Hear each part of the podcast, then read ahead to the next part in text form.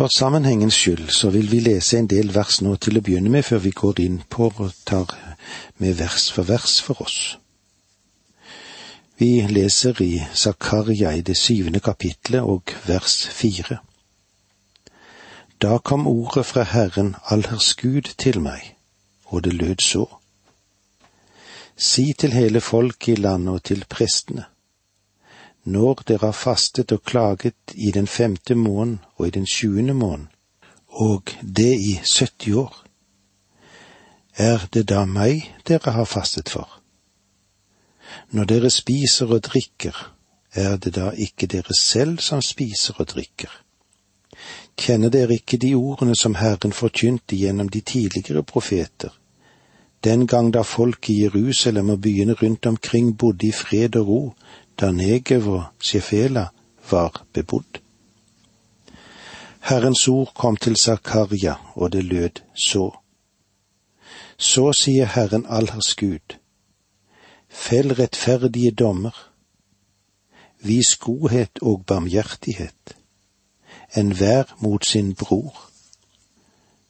Dere skal ikke undertrykke enker og farløse, fremmede og nødlidende og ingen av dere skal i sitt hjerte tenke ut ondt mot andre.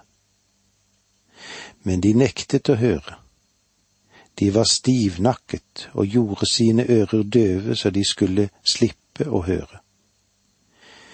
Hjertet gjorde de hardt som flint, så de lot være å høre på loven og de ordene som Herren Allers Gud hadde sendt ved sin ånd gjennom de tidligere profeter.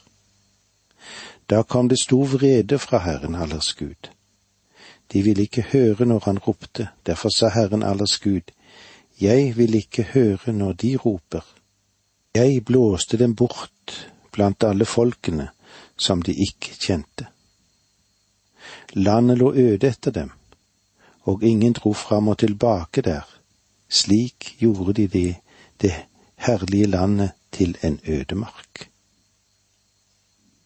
Det var det vi hadde med oss ifra Zakaria 7, 4-14. Dette går altså langt utover det, de svar av det som vi har vært inne i det foregående. Dette var altså rettet mot landfolket eller bondefolket, nevnt før den første gruppe og neste gruppen som er prestene. Er det tale om landets overklassetro, de som er landeiere? Det er mye som kan tyde på det, iallfall fortsatt tyde på det. De etiske formaningene er først og fremst til de som har makt. Og så henvises det til faster som de skal holde i forbindelse med Jerusalems ødeleggelse, den syvende måned. Det er òg eh, den tiden for drapet på Gedelia, som babylonerne hadde innsatt som guvernør. Zakaria han er ingen motstander av gudstjenesten eller fasten. Det skulle hans interesse for tempelet vise. Men det Zakaria spør om, er etter hvilket motiv som finnes bak den ytre handlingen. Er dette virkelig en sann gudsfrykt de faster offer for? Eller er det med tanke på egen fordel, tro? En eh, må ikke tro at en gjør Guds vilje å sikre seg frelse ved de ytre ting, eller for de kulturelle påbud som måtte være. Her ser vi igjen at Zakaria han er i full overensstemmelse med de gamle profetene, som leverte en knusende dom over gudstjeneste uten rettferd i det daglige liv. Og fortsettelsen viser at han er seg nettopp dette slektskapt helt klart bevisst. Og eh, det minner om hva de forrige profeter, de profeter som har forkynt Guds ord, sant Guds ord, tydelig henviser til den lykkelige tid før dommen og eksilet. Det er ellers klart her at, som ellers, at profeten er opptatt av det sydlige Palestina, Jerusalem og Judea. Det Herrens ord som kommer til Zakaria er uttrykkelig det Herren har sagt før. Budskapet som følger er helt sikkert i pakt med de før eksilet profetier. Det er eh, de gamle ord om barmhjertighet og rettferdighet som skal herske i Guds folke, og det gjentas. Herren vokter over de små folket og ser til de fremmede, det vil si til dem som ikke hører folket til, men de som er hos dem. Han er deres og rettens beskytter. Ordene er rettet til dem som har makt og som utnytter dem til egen fordel og på andres bekostning, og dermed er i strid med den paktviljen som Gud har. Ordene ble den gang ikke tatt imot. Det vitner også de gamle profetene om sjøl. Og så er det slik at Zakaria, han gjentar dette han påviser at det var Herrens vrede som rammet de. Han henviser òg til loven. Det var den rett som var nedlagt i den. Ja, det var dette Herrens sendebud forkynte. Og det var selve paktens vilkår og betingelser de satte seg utover. At folk ikke hørte på Herrens ord som ble ropt til dem, førte også til at deres bønner, ofringene som de hadde og fasten ikke nådde Herrens hjerte. Men eh, Herrens dom nådde dem med bortførelse og ødeleggelse av det gode landet Herren hadde gitt dem. Tanken bak denne preken som vi nå har vært innom over de gamle profeters ord fra Herren, den er tydelig. Folket skal lære av det som er skjedd tidligere. De har sett og følt på kroppen ved Herrens vrede og straff er. Saken for dem er å følge Herrens bud, så de ikke skal gå dem på samme måte. De må heller ikke tro at en ytre overholdelse og de faste skikkene som de hadde, er til velbehag for Herren. Zakaria, det han ønsker i dette kapitlet, er å gi folket svar på spørsmålet om et trefoldig svar. Gud sier ikke at det er galt å faste. Han sier heller ikke at det ikke er rett. Han besvarer ikke spørsmålet direkte, og likevel gir han sitt svar. Og vi vil se at det faktisk er et trefoldig svar på spørsmålet om de religiøse ritualet som finnes. Det første svaret er at når hjertet er rett, er ritualet rett. Det ser vi i versene én til syv. Det andre svaret er at når hjertet er galt, er også ritualet galt, i vers åtte til fjorten. Og det tredje svaret finner vi i kapittel åtte. Guds hensikt med Jerusalem er uforandret av noe som helst rituale. Det vil eh, være svar til en del mennesker som i dag sier, la oss gjøre dette eller hin slik at vi kan fremskynde Jesu komme. Du kan ikke fremskynde en et eneste sekund ved noe av det du gjør. Vet du ikke at det er Han som driver frem dette i sitt univers?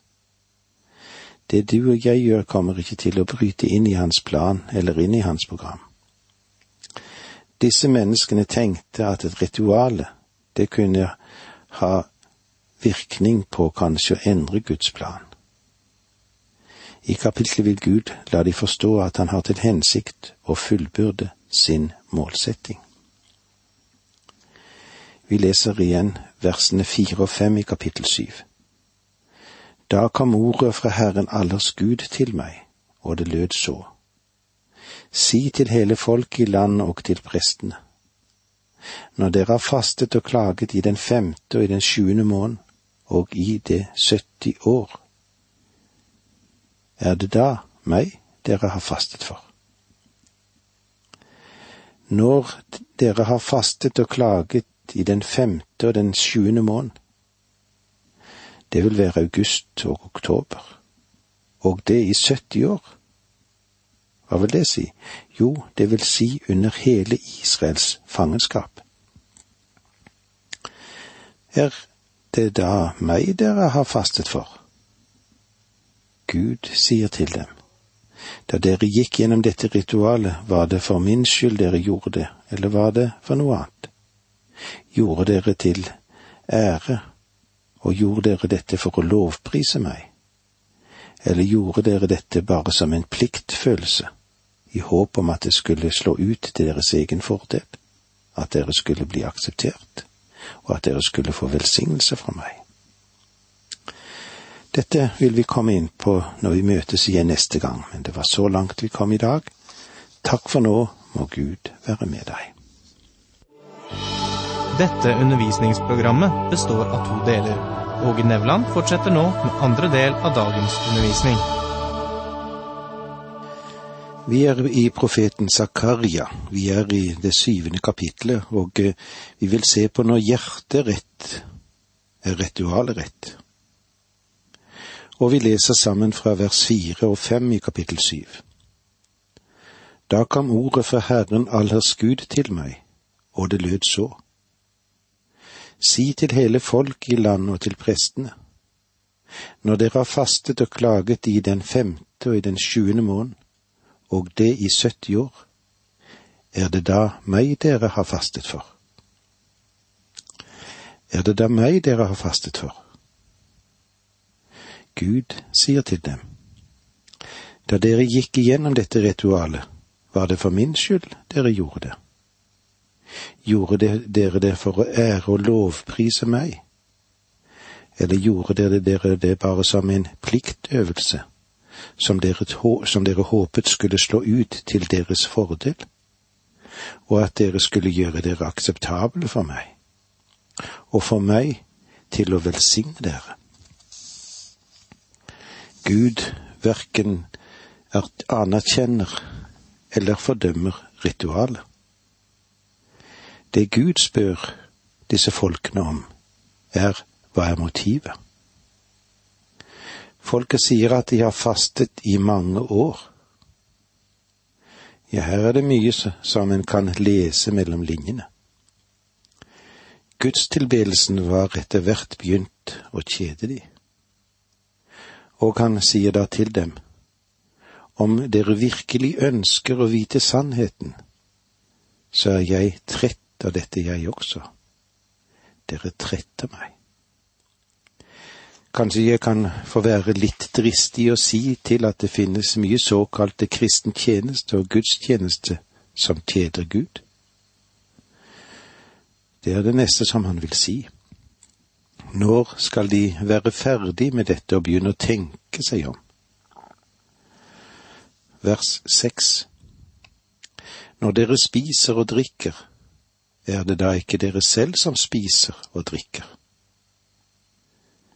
Det Gud sier nå er, dere fastet ikke for meg, og når fasten var over, så kunne dere nesten ikke vente med å komme dere hjem for å spise. Og når dere spiste, gjorde dere det da for meg? Paulus han skriver det slik til korinterne. Men mat fører ikke oss nærmere Gud. Vi vinner ikke noe om vi spiser, og vi taper ikke noe om vi lar det være. Slik står det i Korinterbrevet, det første Korinterbrevet, vers åtte i det åttende kapitlet. Og så fortsetter han med å si det slik da i det tiende kapitlet, vers 31. Men enten dere nå spiser eller drikker, eller hva dere gjør, gjør alt til Guds ære. Om du kan faste til Guds ære, så må du faste da. Men om du gjør det av noen annen årsak enn dette høye motivet, så la det være. Vår kristne tro er ingen søndagsforestilling. Prøven på søndagens gudstjeneste er livet som leves de neste dagene. Når vi går til siste halvdel av dette kapitlet, så vil Gud tale direkte til Israel om deres handelspraksis. Han vil tale til de om deres sosiale kontakter, og han vil ta opp deres fornøyelser. Det var dette som fortalte at de ikke levde sitt liv for Herren i det hele tatt. Det er noe viktigere enn ritualet som forteller om ritualet, det er om det er rett eller ikke. Det er viktigheten av å tenke gjennom disse sidene, og vi som lever i vår tid. I det syvende verset leser vi slik. Kjenner dere ikke de ordene som Herren forkynte gjennom de tidligere profeter? Den gang da folk i Jerusalem og byene rundt omkring bodde i fred og ro, da Negev og Shefela var bebodd. Dette dreier seg om Sydlandet, den delen som strekker seg helt fra Bersheba og øst mot Hebron og over mot kysten til Ekron, og er som en eneste stor beitemark. Gud sier til folket her, dere gikk gjennom alle disse ritualene tidligere da dere var i landet, og var hendte. Dere ble sendt i fangenskap fordi dere ikke var lydige mot meg. Dere hørte ikke på min røst gjennom profetene. Vi kommer nå til et annet avsnitt, som vi kan sette kanskje denne overskriften på. Er når hjertet er feil innstilt, er ritualet feil. Med begynnelse fra vers åtte vil Gud vise at et ritual er feil om hjertets innstilling er feil. Det er en annen måte å si det på enn det han har sagt og understreket før. Gud vil nedfelle dette i folkets liv og spesielt budene. Bud som har å gjøre med menneskets forhold til mennesket og menneskets forhold til Gud. Og det vil vise om deres hjerte er rett eller ikke. Det er galt å tro at vi tjener Kristus om vi går igjennom et lite eller stort rituale, når vi egentlig ikke har det rett med ham. Det den Herre Jesus sa til Simon Peter etter oppstandelsen, er noe av det vakreste jeg vet. Vet du hva jeg ville ha gjort om jeg hadde vært i Herrens sted og hadde kommet til Simon Peter? Ja, hva tror du? Ville det være slik at vi ville ha kjeftet huden full for at han hadde fornektet meg? Jeg ville ha fortalt ham hva slags fyr jeg egentlig syntes han var. Men Jesus, han sa til ham, Elsker du meg? Elsker du meg? Det er ikke det ritualet du gjennomfører, men, men holdningen i ditt hjerte. Hvordan er det med den? Det er den som er viktig overfor ham. Kristendom er i første rekke ikke noe liturgisk system, men det er en levende forbindelse med en levende person og personen heter Jesus. Jeg taler ikke om å rasere enhver form for liturgi eller seremoni.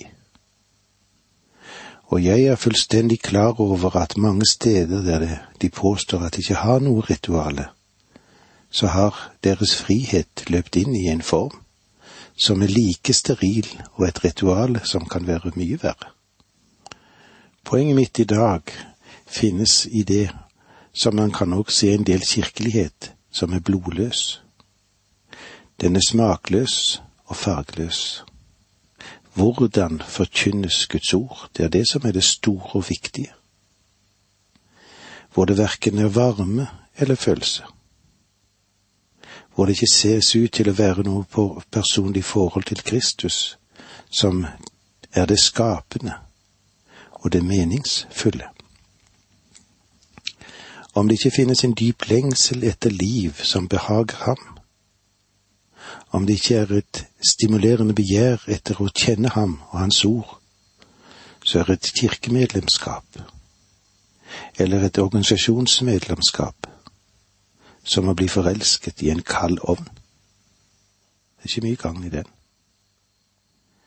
Det er ikke lenger tid til å leke kirke, men å elske Kristus og å leve for ham. Før fangenskapet dømte Gud Jerusalem der folkets hjerte var langt borte fra ham selv, om de da òg gikk gjennom alle tempelets ritualer. I vers syv så sa Gud til dem, skulle dere ikke høre de ordene som Herren har ropt til dere gjennom de tidligere profetene? Da Jerusalem var befolket og velstående, og likeledes byene rundt den, da folket bodde i syd og over de store sletter. Faktisk så sa han det slik. Dere gikk igjennom ritualene før fangenskapet, og jeg drev dere i fangenskap. Hvorfor? Ritualene hadde ikke noe å gjøre med det. Det var fordi hjertet ikke var rett innstilt, og det er hjertets innstilling som er viktig. I siste del av dette kapitlet så understreker Gud spesielt de ting folket drev med som virket fremmedgjørende i forhold til ham. Han vil nå ta opp den del av de ti bud som har å gjøre med menneskets forhold til medmennesket. Den foregående del av kapitlet har å gjøre med menneskets forhold til Gud. Når hjertet ikke er rett innstilt til Gud, blir ritualene feil. I denne delen blir ritualene feil når hjertet er galt. Ved å føre disse budene rett inn i deres livsforhold vil Gud spesielt avsløre det de gjorde feil. Og om det var slik at vi kunne se oss selv som Gud ser oss, ville det være vanskelig å holde ut med seg selv. Det er bare Gud som makter det. Det er bare Gud som dypest sett makter det. Om vi bare ville komme til Guds ord og hvile i Guds ord, så kommer Gud til dem og gir de det de trenger til. Og det var så langt vi kom i dag. Takk for nå, må Gud være med deg.